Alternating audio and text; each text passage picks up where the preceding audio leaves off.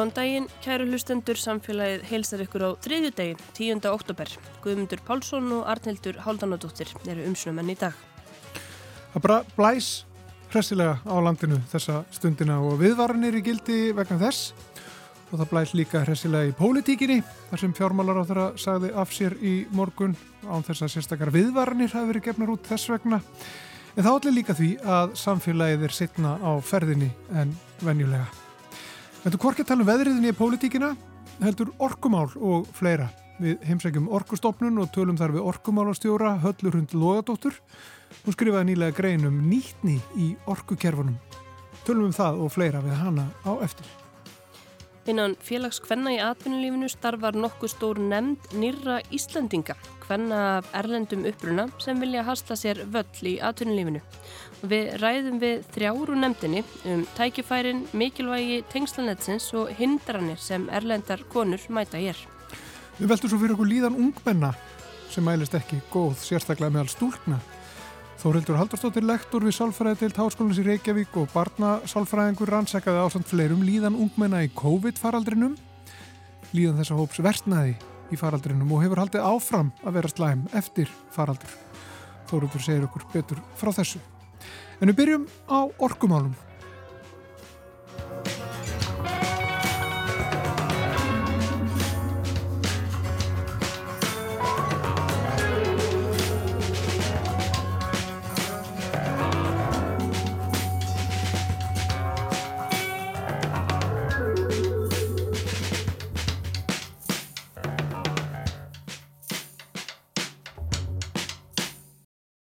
Ég stættur hér í höfustöðum orkustofnunar með grænsarsveg og er hérna inn á skrifstofu hjá orkumálastjóra Höllur Hund Lógadóttur sem skrifaði grein núnum daginn uh, sem byrtist í heimildinni meðal annars.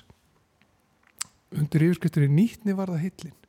Þú ert svolítið að velta fyrir þér nýttni í, í orkukerfunum ekki satt? Af hverju dættir í huga að núna verið tími til að skrifa þessa grein og, og velta nýttni fyrir sér Nýttni er í raun og veru kannski leiðarstef í allri auðvöldanýtingu að því að við erum alltaf að horfa á það að reyna að fá sem mest verðmæti fyrir sem minnsta nýtingu. Það er í raun og veru leikil stefið í, í góðri auðvöldanýtingu og það er, eru mörg tækifæri til að horfa á nýttni þáttin hérna heima þegar það kemur orkumálunum en það eru líka margar áhugaverðar sögur sem við höfum að segja þegar kemur að þessum málaflokki og tengis kannski ekki síst jarðheitanum. Til dæmis þegar kemur að fjölnýtingu jarðheitans. Eh, jarðheitin er í raun og veru eins konar gull okkar Íslandinga. Þessi eh, auðlind sem að heldur á okkur hýta á köldum haustögum eins og þeim sem við upplöfum núna í Reykjavík. En ekki bara auðlind sem heldur okkur hýta, heldur auðlind sem er nýtt í ráorku framlegslu líka, eh, kveikir eh, ljósi á mörgum heimilum og síðan erum við að nota sama vatnið. Við erum að nota sama vatnið til þess að bræða snjóin á gangstjættum, við erum að nota jærðhættavatnið í alls konar matvælafremlislu, þannig að þetta er dæmi um það hvernig við erum að nota sömu öðlendina á svo marga vefu. Og ég vil meina það, ég bjóð nú lengi bandaríkjunum og, og þar var mikið talað um hinn fræga Kísildal í Kaliforníu. Ég vil meina að öðlendakararnir sem við eigum hérna bæðið upp á helliseiði og líka á Reykjanesinu séu svona svo kallar ör útgáður af þessum kísildölum, kísildalir norðursins í sjálfu sér. Eh, af því að það er verið að horfa á eh, þessa nýttni og fjölnætingu og það er það sem er kannski leiðar stefið þegar við erum að horfa á það besta öðlindir heilt yfir. Í þessar grein þá ert að velta fyrir þér sko, þú, þú tengir þetta svolítið við uh, nýttni bara á heimilum í rauninni. Þú ert að tekja það bara vittnar reynilega bara í er ekki ammæðin sem, sem þú hugsaði til þegar þú skrifaði þessa grein? Akkurat, eh, ég vísa þarna í svona áhugavert augnablik sem að ég hugsa oft til sem er þegar ég flyta heimann og er hérna mætti mín að nýju íbúð og, og amma mætir til mín með hérna fullt af nótuðum eldursáhaldum og þau eru þarna alls konar ekki, ekki, ekki neitt í stíl og af alls konar stærðum að gerðum. Og hvetur mig til þess að taka við þessu. Og ég man eftir að hafa hugsað já, það er nú fljótlegt að skreppa í IKEA og, og græja þetta.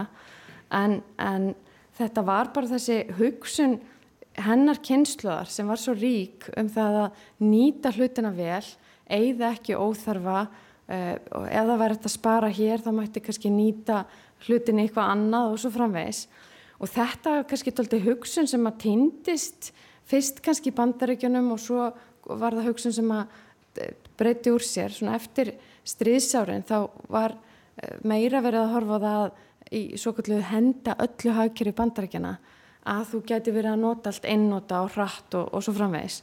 Og við sjáum það með ringgrásarhugsunni sem er að koma aftur að það er verið að leita tóltið aftur í það veist, hvernig megi hugsa um líftíma hluta til langs tíma. Og þegar við erum að hugsa um líftíma hluta til langs tíma þá erum við akkurat að horfa á, á auðlindanýtingu þá erum við akkurat að horfa hvernig megi nýta til dæmis jarðhittasvæðin okkar til, til sem lengsta uh, tíma og svo framvegs.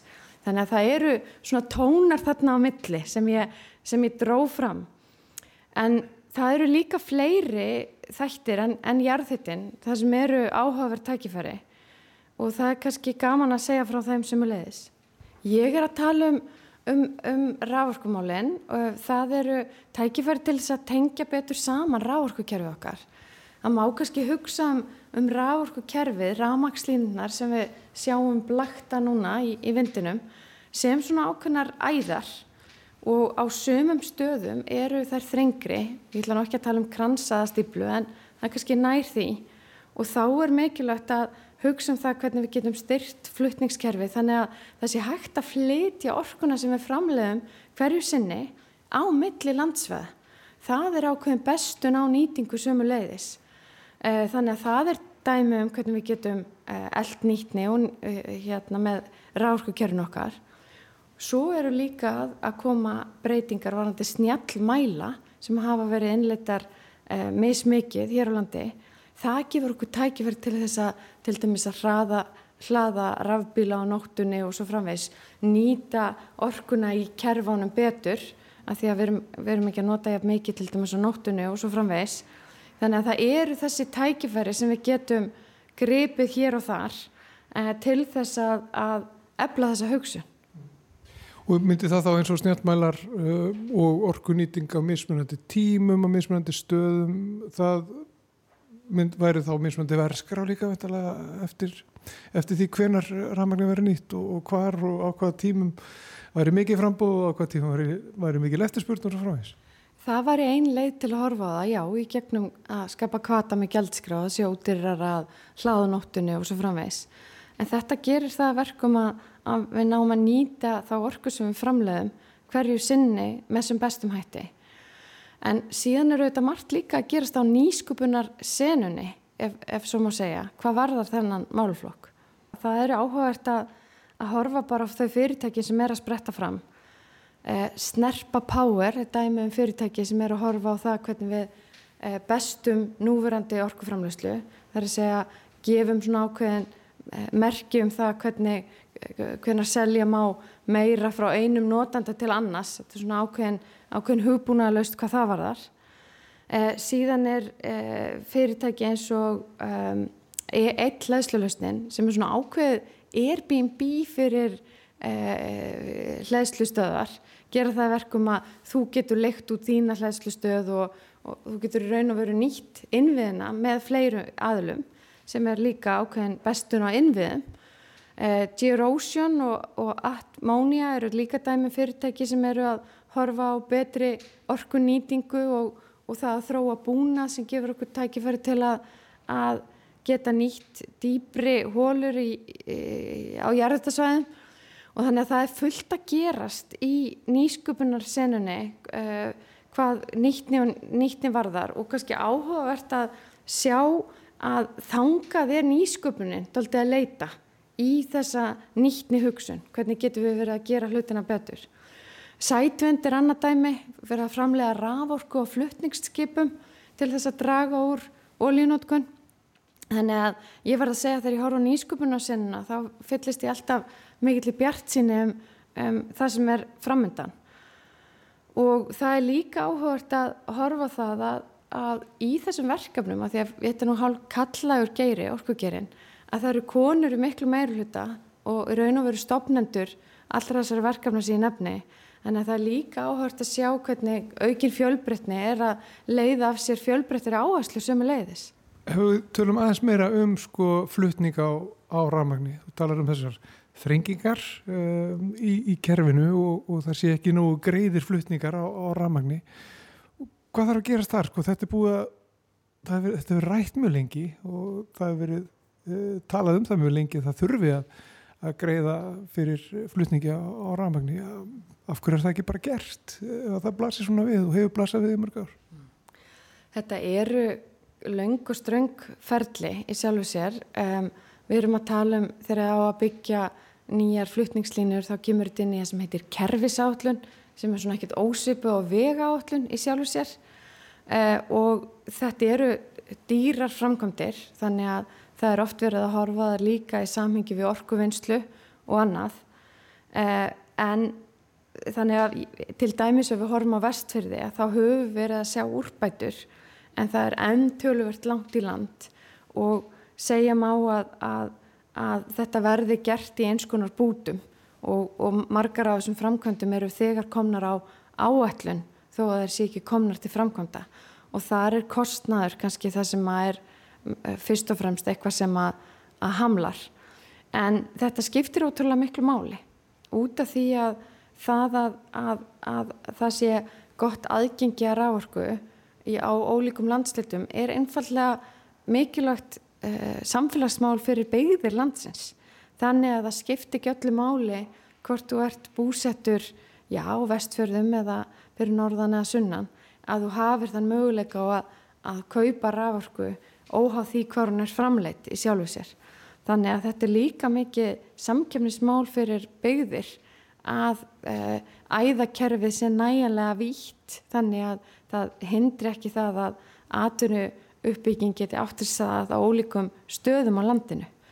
Uh, þannig að þetta er mál sem þarf stöðugt að, að horfa á og, og bara síðast í gær kom út skýsla uh, sem var að horfa á Vestmannegar sérstaklega sem að kannski er ágætt dæmi um, um sko, byggð sem er afskegst í orðsins fylstumerkingu og sínir okkur að þó að við búum við ótrúlega gott ráðkerfi á Íslandi einstætta hei, á heimsvísu á mörgu leiti að þá þurfum við að, að vinna áfram í því að, að uh, breyta og bæta uh, og það er aftur líka hluti af því að nýta uh, eh, öðlendirnar okkar vel. Eru orkumálinn eitthvað svona hálfgeitt vandraðamál í, í íslensku samfélagi? Sko? Í pólitíkinni til dæmis það er ekki samstæðum um hvað eigi að nýta, hvað eigi að nýta og það er ekki samstæðum hvaða, hvað leiðir eigi að fara í sko, orkuframlöslu endilega? Og hvaða áherslunar eigi að vera, hvað er þessi nýskupuna og byrtast sem að þú nefndir líka áðan sko, það verður að tala líka um, þú veist, það er vindorka, það er ekki samstæða um hana, það er, þú veist, þetta er, er þetta vandraða mál, er þetta er þetta svona, er þetta erfitt mál fyrir Íslands samfélagi hvernig það komið sér saman um hvernig á að, að nýta þá orku sem þetta stafar og það er ekki eins og sko, fólk er ekki eins og saman um hvað þarf miklu orku til viðbótar einhvern veginn bara til að mæta orkuskiptunum svo, svo bara dæmsitt ekki mm -hmm. Já, þetta er eh, sannlega stór og viðfömmur málaflokkur sem hefur heldur betur oft verið í deglunni einmitt ekki verið átakalauðs bara við horfum aftur í tíman en ég held að góðu fréttinar byrtist kannski ef við horfum á nýðustöðunar úr uh, flokksræðsfundum bæði sjálfstæðisflokks og vinstri græna að því að það er oft talað um að það séu átök þarna á pólitískum línum að þá sér maður á þeim fundi sem var haldið núni í haust að byrtast þær áherslu sem fólk er sammálum og það eru tvö mál sem að skína þar skert í gegn og það er annars vegar ráorkuður ekki heimila sem að orkustofnun er að leggja mikla áherslu á að stjórnvöld uh, fari í lagabreitingar til að tryggja ráorkuður ekki heimila þegar samkeppnum ráorkuðu mikil. Það er annar málið og hitt málið eru orkuskipti og orkuskipti eru uh, sagt, umbreyting á okkar í samgöngum í raun og veru. Það er hvernig við færum okkur úr uh, eh, ólíu yfir í í grætni orkugjafa, bara annarkort ramagn eins og við þekkjum með rafbíluna eða vettni eins og verður uh, líklega meira ríkjandi þegar kemur að fiskiskipum og, og síðan uh, rafelsneiti fyrir flug. Þannig að um þessi tvö stóru mál að minnstakosti að við horfum á þessar niðurstöður að þá er til dæla mikil samstafa. Uh, áskorun er þá í framkvæmdini sjálfri og það er auðvitað þegar kemur að svona máluflokkum eins og orkuskiptunum að þá, við, þá er til dæla mikil vissa um orkuþörfuna til eh, næstu ára þegar kemur að almennamarkanum. Og hvað eru við að tala um með almennamarkanum? Nú þá eru við bara að tala um eh, heimilin í landinu og fyrirtæki eins og byrtast okkur hérna í skeifinu sem við horfum hér yfir frá grænsasveginum. Eh, orkuþörfin er önnur og meiri þegar við erum að horfa á umbreytingu fiskiskipaflótans og síðan á, flói, á flugið það eru stærri tölur hvað, hvað það varðar og það er óvissan líka meiri af því að orgu þörfin hún skýrist af notenda hliðinni líka og það er bara til að nefna dæmi hvað verða margir notendur eh, í fiskiskipunum eftir x ára svo framvegs. Stjórnvöld hafa sett sér gríðalega mikilvæg markmið þarna þannig að ég held að stóra máli sé ekki endilega að reikna orguþörf fyrir þau markmið heldur að tryggja það að svo orka sem að bætist við í framleyslu með nýjum virkjunum eða kemur til að meiri nýttni eða vegna þess að samningar losna við, við fyrirtæki og það eru breytingar í áslum og annað að hún rati í þessi, e, þessa máluflokka, e, ráorkur ekki heimila og í orkuskiptin í takt við pólitískar áslur og þar er flækjusti því að við erum komið með miklu floknar að laga umhverfi sem þýðir að er, mikið, þetta er samkjöfnisumhverfi, þetta er markaður og það er ekki sjálf gefið að, að þau verkefni sem er í forgangi hjá stjórnmálunum séu þeir sem að munu og endanum kaupa ráorkuna. Það er ekki með öðrum árum eh, sagt sjálf gefið að til dæmis orkuskiptin eh, séu betri kaupandi heldur en eh, önnur aðri stóri notendur á ráorku sem að kannski bjóða betra verð og samáða við um, um heimilin. Það er ekki sjálf gefið að heimilin séu betri kunni en, en til dæmis aðrir aðlar sem vilja kaupa orkuna. Þannig að þetta, því fyrir sem við áttum okkur á því að hér liggur hundrun grafin til að minnstakosti skamstíma og hér þarf að skapa kvata og tryggja lagumhverfi og svo fram, framvegis, e, því betur mun okkur ganga með að ná þessi, þessu markmiðum sem að e, byrtast e, svo skýrt í auðvitað stjórnarsáttmála, í markmiðum stjórnvalda og skín líka í gegn að sé ákveðin samstæðum eins og kemur fram í þessum flokkrársfundum sem ég vísaði til. Þetta eru, þetta eru markmið, þetta eru stór markmið. Um, þetta eru tímasett markmið, ykkur hluta líka, það er alltaf komið betur og betur daginn einhvern veginn að tímasetningin kannski gengur ekki alveg upp, sko. þetta var mikið björnsýni og þetta byrtist í til dæmis Eh, markmiðum um, um að dragu lósun og svo eru orkuskiptin sko, þar sem að það lítur ekkit út fyrir að þetta, þetta muni gangan alveg sratt fyrir og, og fólk vonaðist eftir um, þannig að eitt er einhvern veginn að séu markmið og svo er annað, sko, það eru innviðnir og það eru það er frambóðu orku eins og vorum að tala um og svo framvegist þannig að um, markmiðin eru skýr um, það eru, eins og þú segir það, það er samkomulega um ákveðna hluti en einhvern veginn það er leiðin að því sem er sem er stóra áskorunin? Það er í raun og veru þarf að horfa dýbra á, á innleðinguna og við gáfum út það sem við kallum matsel möguleika af því hvernig stuðlamætt af því að, að orka rati í orkuskipti að hluta. Auðvitað eru alltaf að tala um uh, orkuþörf fyrir uppbyggingu heilbris atvinnlífs. Það er alltaf eitthvað jafnvægi á melli uh, atvinnlífs og, og það sem við kannski kallum hrein orkuskipti en til að tryggja það að, að að orka rati í þau verkefni. Sem ég held að sé leikillin af þessari samfélagssátt og að, að, að markmiðin að innleggingin gangi til dula rætt fyrir sér. Því að eins og lístir þá hefur verið ákveð vantraust um það í hvað orkan er nótuð, það hefur verið vantraust um uh, verkefni hér og þar, þannig að hluta því að, að vinna að traustinu líka að tryggja við séum að, að vinna jæmt og þétti því að ná árangri þeim, í þeim markmiðum sem að, að uh, verið er að setja fram. Og við langar til að taka dæmi um svið þar sem við erum að ná árangri.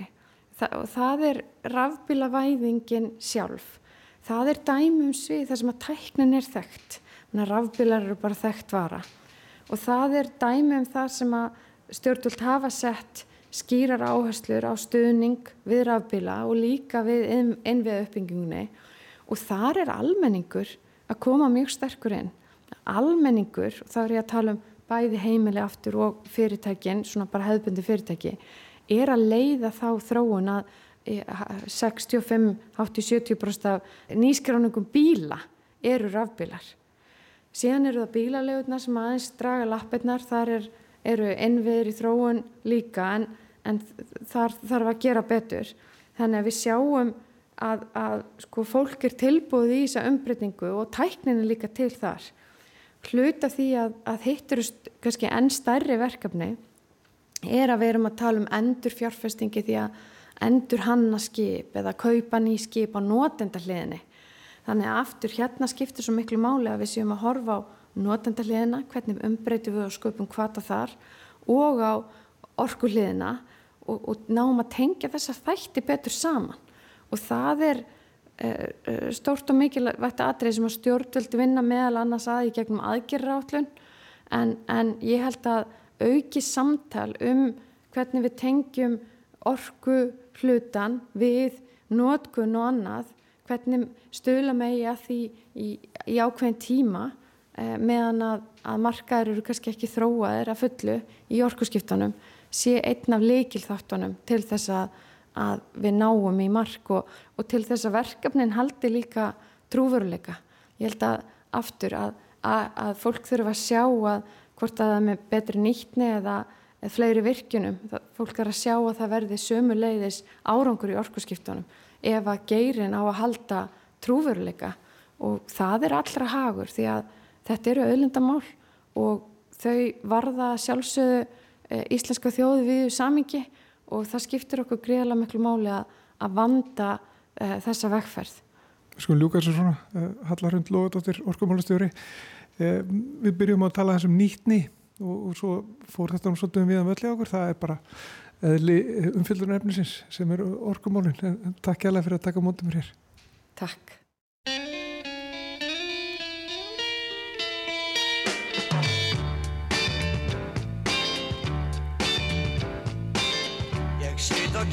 Gæist oft út um gluggan að ganni mínu úti við skuggan því fólk á förnum vegi fótganganda nótt og deg er alveg tilvalið að sjá Ég sé oft heilat skálsögur skapast. Og skrítið fólk sem ég vil tapast. Í hamstrú umferð dagsins eðar vesti sólalagsins það röldi strætir til og frá Stúkur og stalgæjar standandi upp við bæ. Og sýpa fleira mátar sjá. Glæðegir úlingar, góðlegir gamlingar. Og fólk sem horfir bara á Nei, ég þarf ekki að sýtja við sjónvar Ég sjá í bíó í einhver stríðskap sem glöggjan gæst Ég er ekki þó læg Því það er áhætt að sjá. Stúkur og stalgæjar Standandi upp við bar Og síðan fleira mátar sjá. Glæðegir úlingar Góðlegir gamlingar Og fólk sem horfir bara á Ég sit og gægist oft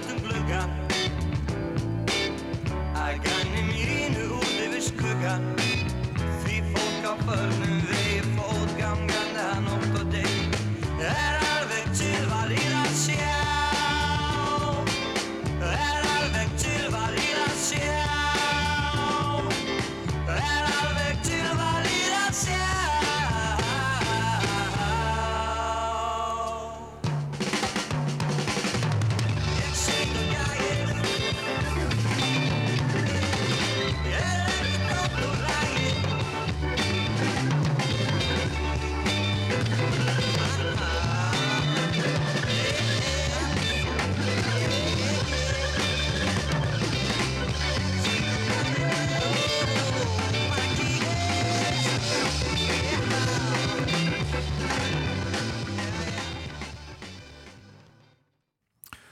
Hljóstinn Flowers og lagið Glugginn.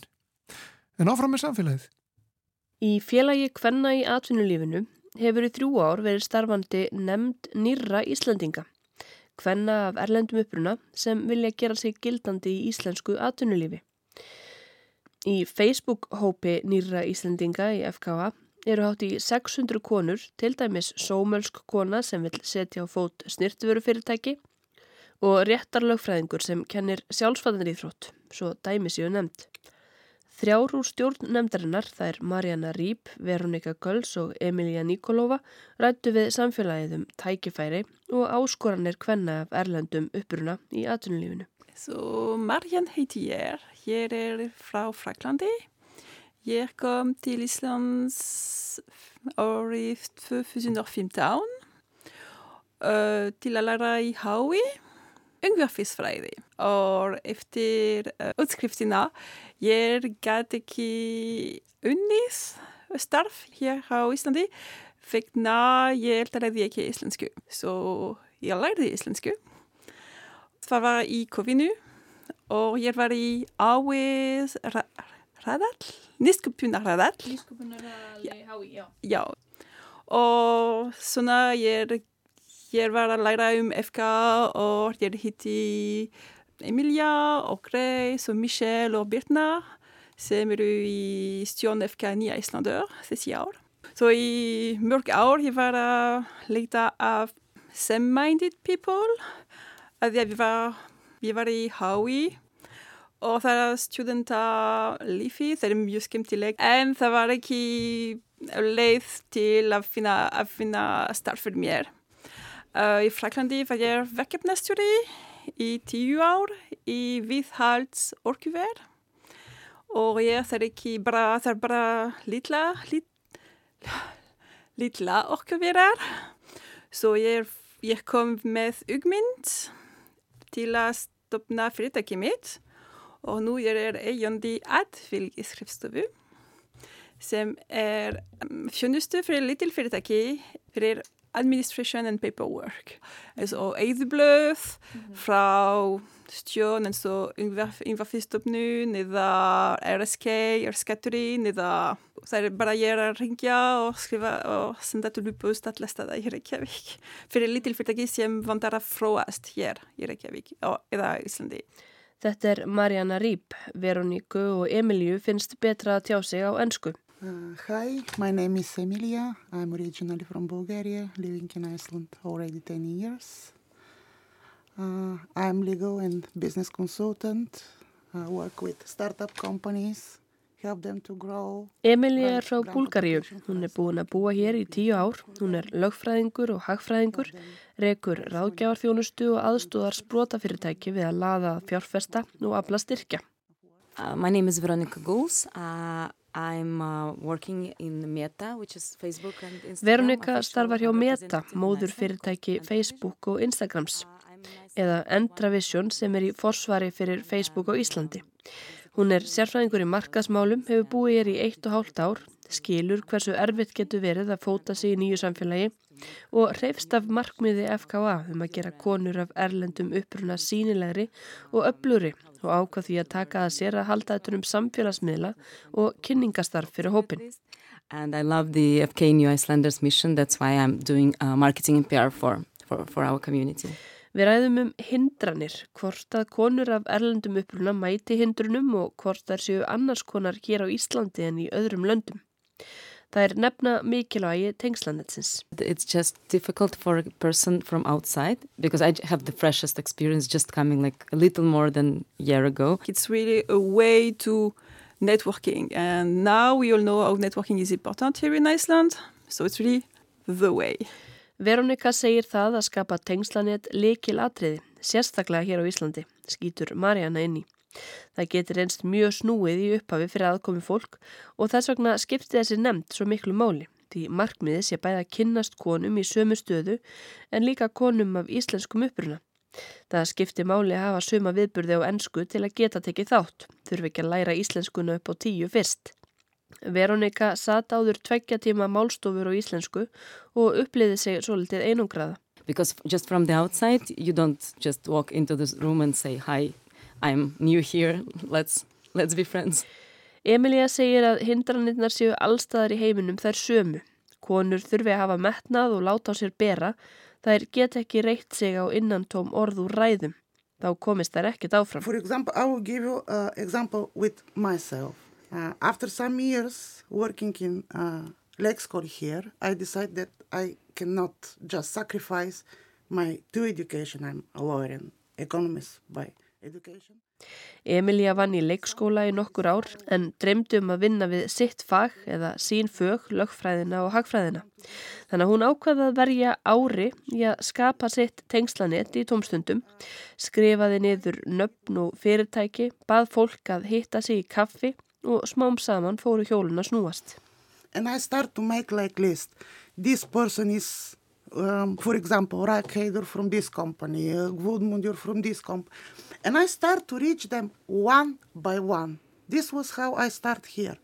Hello, I'm Emilia. I'll do this and this. Can we meet? Can we just exchange some experience to have small talk? Hún kynntist mörgum konum í leikskólanum og þekkir margar sem vinna í leikskólum en eru með allt aðra mentun en hefur reynst erfitt að fá hann að metna hér.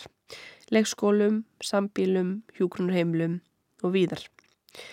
Þrátt fyrir það segir hún of auðvelt að kenna samfélaginu hér um að samfélagi sé lítið, að Íslandingar séu lokaðir og tungumólið erfitt. Svona sé þetta víðar og líklega væri viðmótið eins í heimalandi hennar Búlgaríu, segir hún.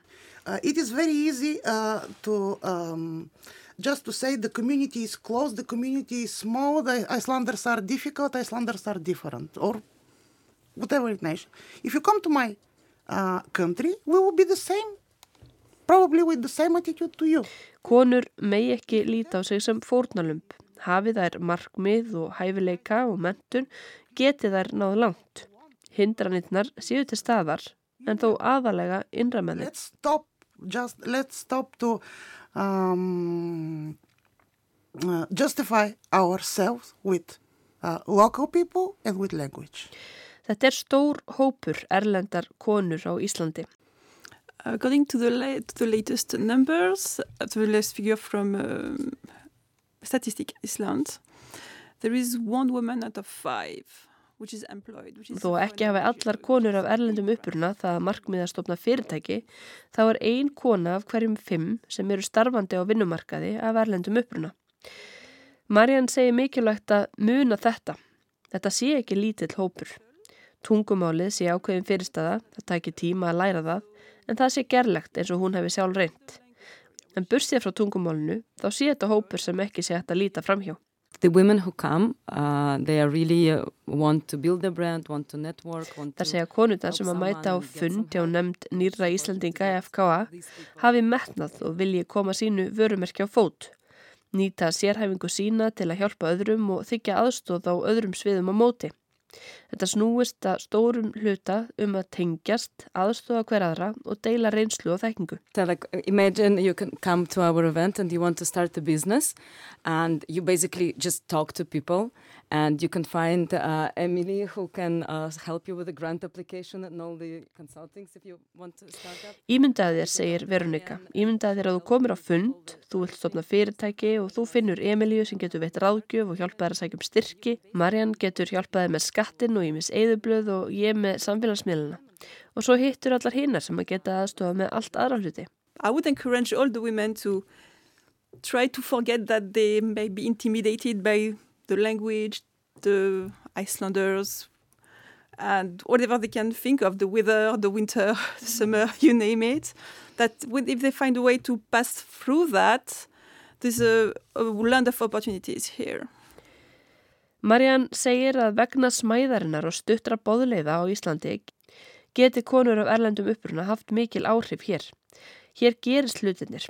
Hún tekur undir með Emilju að það megi ekki láta hindranirnar, tungumálið, veðrið, hvað sem er, halda aftur af sér. Ísland geti verið land tækifærana.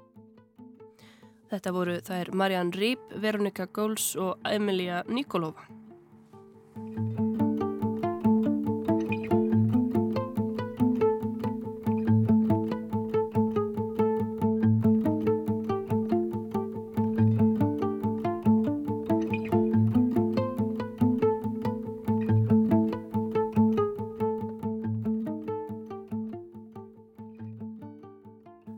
Tala næstu mínutunar um líðan ungmenna og hún er sest hérna hjá okkur Þórildur Halldórsdóttir. Uh, hún er lektor við sálfræði deilt uh, Háskólans í Reykjavík og uh, barnasálfræðingur, klínisku barnasálfræðingur. Já, Þú er velkomin til okkar í samfélagið. já, takk fyrir bóðið. Það var gerð rannsók og þið rannsókuðu líðan ungmenna í COVID og, og þar kom eitt og annað í ljós uh, þarna var metin tölver vanlíðan hjá, hjá ungmennum uh, þessu hefur verið fyllt eftir og uh, já, þetta, er, þetta er sísta batna uh, uh, vanlíðan ungmenna er ennþá talsverð og, og, og mælanleg það. og það er sérstaklega er það ekki uh, ungar stúlkur sem að Jú, sem það að eru sérstaklega mikla unga vanlíðan. stúlkur sem, sem er mitt hafa farið verð út úr COVID faraldrinum heldur en drengir þó að hefur áhrif á þá líka. En bara til þess að koma með smá forsögu þá hann að höfum við séð þessa aukningu í vanlíðan þá sérstaklega þunglindiseinkennum og, og kvíðaeinkennum og því um líkt eh, hjá ungmennum bara síðastlina ára tugi en svo kemur náttúrulega COVID og þá er bara ólíja á eldin og þá eikst þetta enn frekar en það sem við höfum verið að sjá uh, þessi síðastlina mælingar sko. Og eins og myndist á þá er það sérstaklega stúlkur sem fara ja, e, já, koma verð út úr úr faraldrinum heldur en drengir. Og í fyrstu mælingum sáum við líka að þetta var helst sem sagt, 16 til 18 ára ungmenni. En núna þa- þau eru búin að mæla þetta uppalega mælingunum voru 2020 þegar COVID var pildur að nýtt komið og náttúrulega allt í blúsandi samkomi takmörkunum og mikil óvissa þá byrjuðum við að mæla þetta eða byrjuðum við að kanna þetta öllu, öllu heldur að því að rannsókn og greining gögnin sem við notum til þess að kíkja á þetta hefur náttúrulega verið að mæla líðan ungmenna síðastlinn 20 ár og hafa sérst verið að leggja þetta fyrir í skólum á landsvísu um, í langan tíma. Og ég myndi notum gögnin frá þeim og sáum strax þessa hérna, aukningu í vanlegan og við náðum að bera þetta saman við fyrri mælingar þannig að þetta var meiri aukningin við hefðum búist við að staðaldri þannig eins og ég segi, þetta var bara ólíja á eldin og svo hefur við verið að mæla þetta áfram og það var 2021 og 2022 aðrar mælingateknar og þetta er sagt ekki að minga jafnvel þótt að náttúrulega breytingar hafa orðið í þjóðfélaginu. Það er ekki mikið, eða, óvissan hefur mingað minnst okkur stegi og það hafa til dæmis ekki verið samkomi takmarkanar í þó nokkuð tíma. En þó voru, voru einhverja samkomi takmarkanar 2022 þegar síðasta mælingi var tekin en ég var einmitt reyndar, eh, það, já, sagt, það er ekki búið að mæla þetta síðan 2022 hér.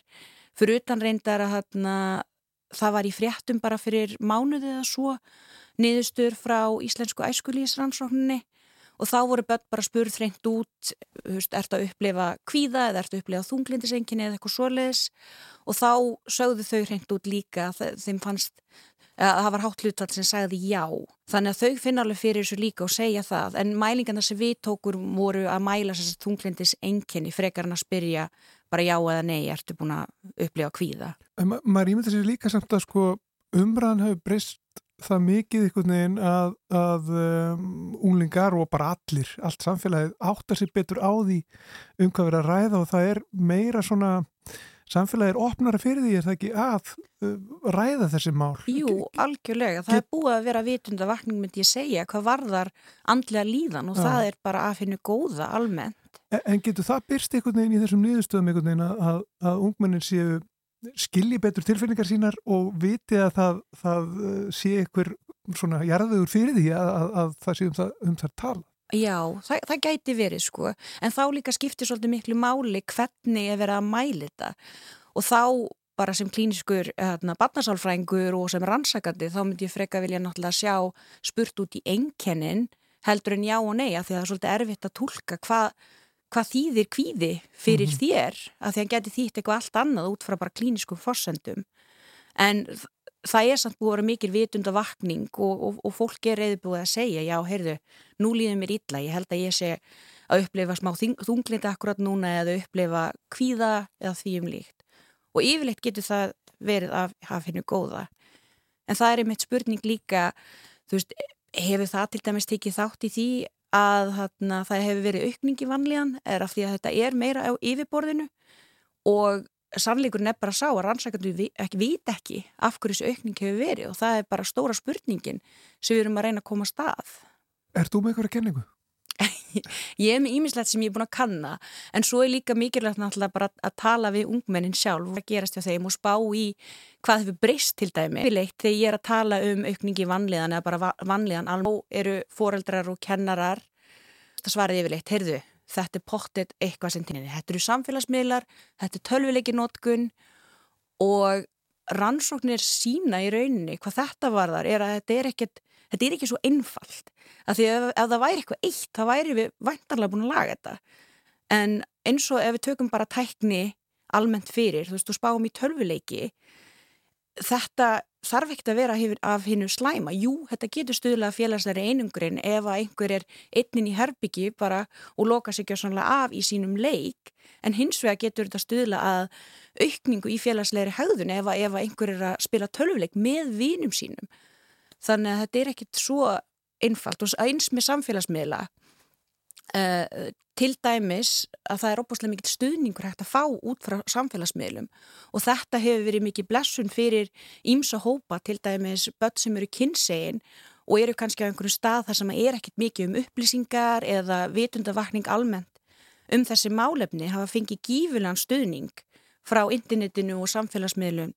Þannig að eh, þetta er, þetta er flóki mál og þannig að það er alveg verðt að skoða þetta og það, það er engin einföld löst En það er kannski líka margt að gerast í einu eða hvað? Þú... Það er náttúrulega margt að gerast í einu en það er spurning, er meira að gerast núna heldur en hefur yfirleitt verið að gerast? Jú, maður spáir náttúrulega í því að ungmenni eru almennt mjög vakandi fyrir til dæmis lofslagsvá mm -hmm. þannig að það er að aukast kvíði út af því til dæmis en ef þú hugsa líka bara um, um fyrri hérna kynsluður þá, þá var fólk að hafa áhugjur að ýmsum öðrum þáttum sem eru kannski Uh, að nú er eftir að bera á kannski saman en það er ekkit nýtt að það séu streytuvaldar í okkur umhverfi. Þannig að þetta er, þetta er flókið og, og mikið eftir að rannsæka þannig að, já. já. En þegar heimsfaraldurinn dinur yfir og, og, og uh, þá eru ímislegt sem er náttúrulega rannsækað og þar á meðal uh, líðan ungmenna í, í, í faraldurinnum um, Þú segir þetta var svona eins og ólja á eldin Já En, en eh, eldurinn er ekkert að minka eða hvað? Kemur það á óvart? Það, það, voru það óvænt að niðurstuður að þegar að svona áhrif faraldur sinns fór að dvína að þá helt áfram þessi, þessi mæling ef við getum nota það orð á vanlegan. Emi, þetta sko hún, hún er alltaf viðhaldist þessi aukning, ekki, veist, hún er ekki að espast ennþá meira en hún hefur viðhaldist. Mm -hmm. og þá er einmitt spurning hvort að þetta sé bara úlingsárin eru svo viðkvæmt tímabil upp á bara andlega líðan að hún setur kannski bara rauninni eða setur bara myndar útlínunar fyrir andlega heilsu það sem eftir er að mörgu leiti þannig að við náttúrulega óskum þess að þetta væri þá bara tímabundir streytuvaldur sem hafði þessi áhrif að þetta espa upp vannlíðan og svo þegar það væri meiri hérna, öryggi í samfélaginu og minni óvisa að þetta myndi lækka aftur en það virðist ekki vera. Og, og börn sem eru 16 ára núna, þau voru náttúrulega 13 ára fyrir þreymar árum. Já, nei, ymmi, en þetta bara undirstryka hvað þetta er bara, bara stórkoslega tímabil, hvað var þar þú veist þarna þroska heilans og bara mótun félagslega og alls konar fyrst að þetta hefur svona djúbstæð áhrif sko. Eru svipaða niðurstöður í löndunum í kringum okkur, veistu það? það? Já, þetta er mjög svo mikið í samræmi við það sem við erum að sjá í öðrum löndum og það er bara eiginlega á heimsvísu að þessi aukning hefur verið og hérna ég er sérst í samstarfi við Norrænu þjóðirnar, ég var einmitt á fundi bara uh, fyrir þessum, uh, í síðasta mánuði og þá vorum við að funda með finnum og normönnum og hérna svíjum og þá er það allir að sjá nákvæmlega sama og finnandi voru nýbúin að taka mælingu og það sem síndi nákvæmlega sama að þetta er þessi aukningar að viðhaldast og það eru sérstaklega stúlkur sem er í hættu mm -hmm. á að upplefa aukna vanlegan núna á þessum tímum. Og er þá Er ástæða til þess að, að grýpa til einhverja ráða? Eitthvað hefur nú verið gert uh, vantanlega en, en er, er ástæða til þess að já, kannski færa fókusin meira á úlingstúlkur uh, hvað þetta varðar? Eða já. er eitthvað slíkt, er, er eitthvað átak sem þetta ráðast í eða eitthvað slíkt?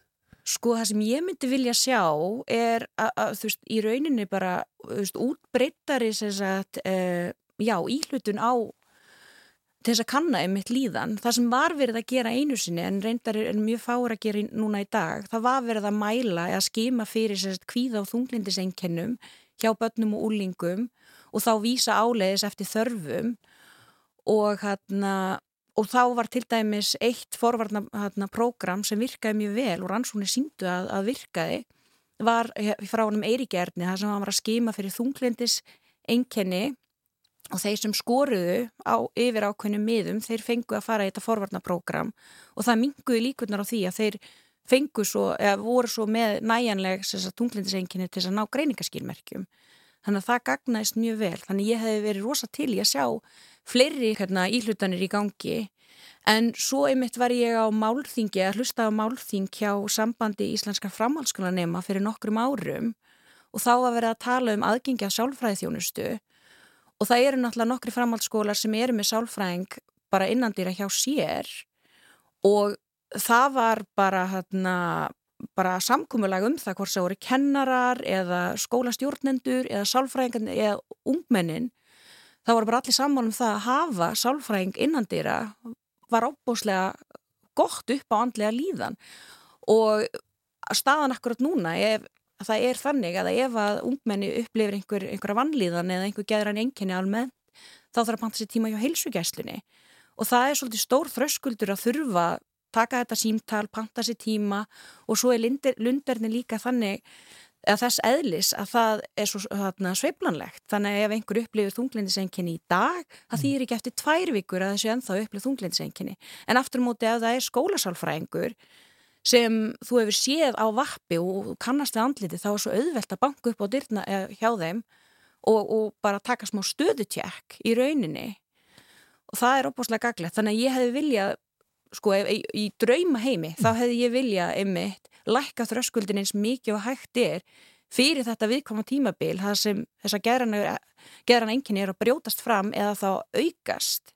Og það er býð eftir þjónustu eins og við Það er það, eftir það getur verið þjónustu. lungbið Já, Já. það er því miður bara þannig að bygglistar aukast þannig ég hefði viljað sjá þetta svolítið viðtækt og mér finnst skólakerfið svolítið upplagt til þess að gera þetta af því að það er líka, við náum svo vel að fylgjast með öllum og náum til margra ungmenna sem myndu kannski ekkit endilega koma til eða, láta sjá sig hjá heilbriði starfsfólki Mhm. annars Mhm. en það er auðveldara í gegnum skólakerfið að mínu mati. Já. Í lokin uh, framhald á þessum rannsóknum uh, það er mikilvægt eins og þú segir að, að, að fylgjast vel með þessum hópi og uh, rannsóknir og greining leggja alltaf fyrir sínar, sínar kannanir Já, þar verða til náttúrulega mikil gögn og hafa orðið til í gegnum árin sko. það er að bera saman betur. uh, tímabil og hópa og svo framvegis langt aftur í tíman þetta eru mikilvæg gögn og, Þetta eru bara með mikilvægastu gögnum sem við höfum að mínu mati. Ég minna þetta er náttúrulega, ungmennin okkar eru framtíðin að sjálfsögðu þannig að við þurfum að passa upp á þau og það er alveg nöðsynlegt að mæla þetta áfram alveg klárlega og við erum eiginlega á heimsvísu með þetta að vera með þú veist alveg 80-90% ungmenn á þessum sem er í skóla þar að segja sem taka þátt. Það bara er ekki til nánast í öðrum löndum. Skulum ljúka þessu svona Þórildur Haldursdóttir, eh, lektor við Sálfræðidelt Háskólis Reykjavík og eh, klíniskur barnasálfræðingur. Takk fyrir komin í samfélagið. Já, takk fyrir. Og þannig ljúkum við samfélaginu eh, þennan þriðju dag. Guðmundur Pálsson og Arnildur Haldunadóttir þakka fyrir sig. Við verðum hér á okkar stað að sjálfsögðu á sama tíma morgun klukkan eitt. Heyrust á.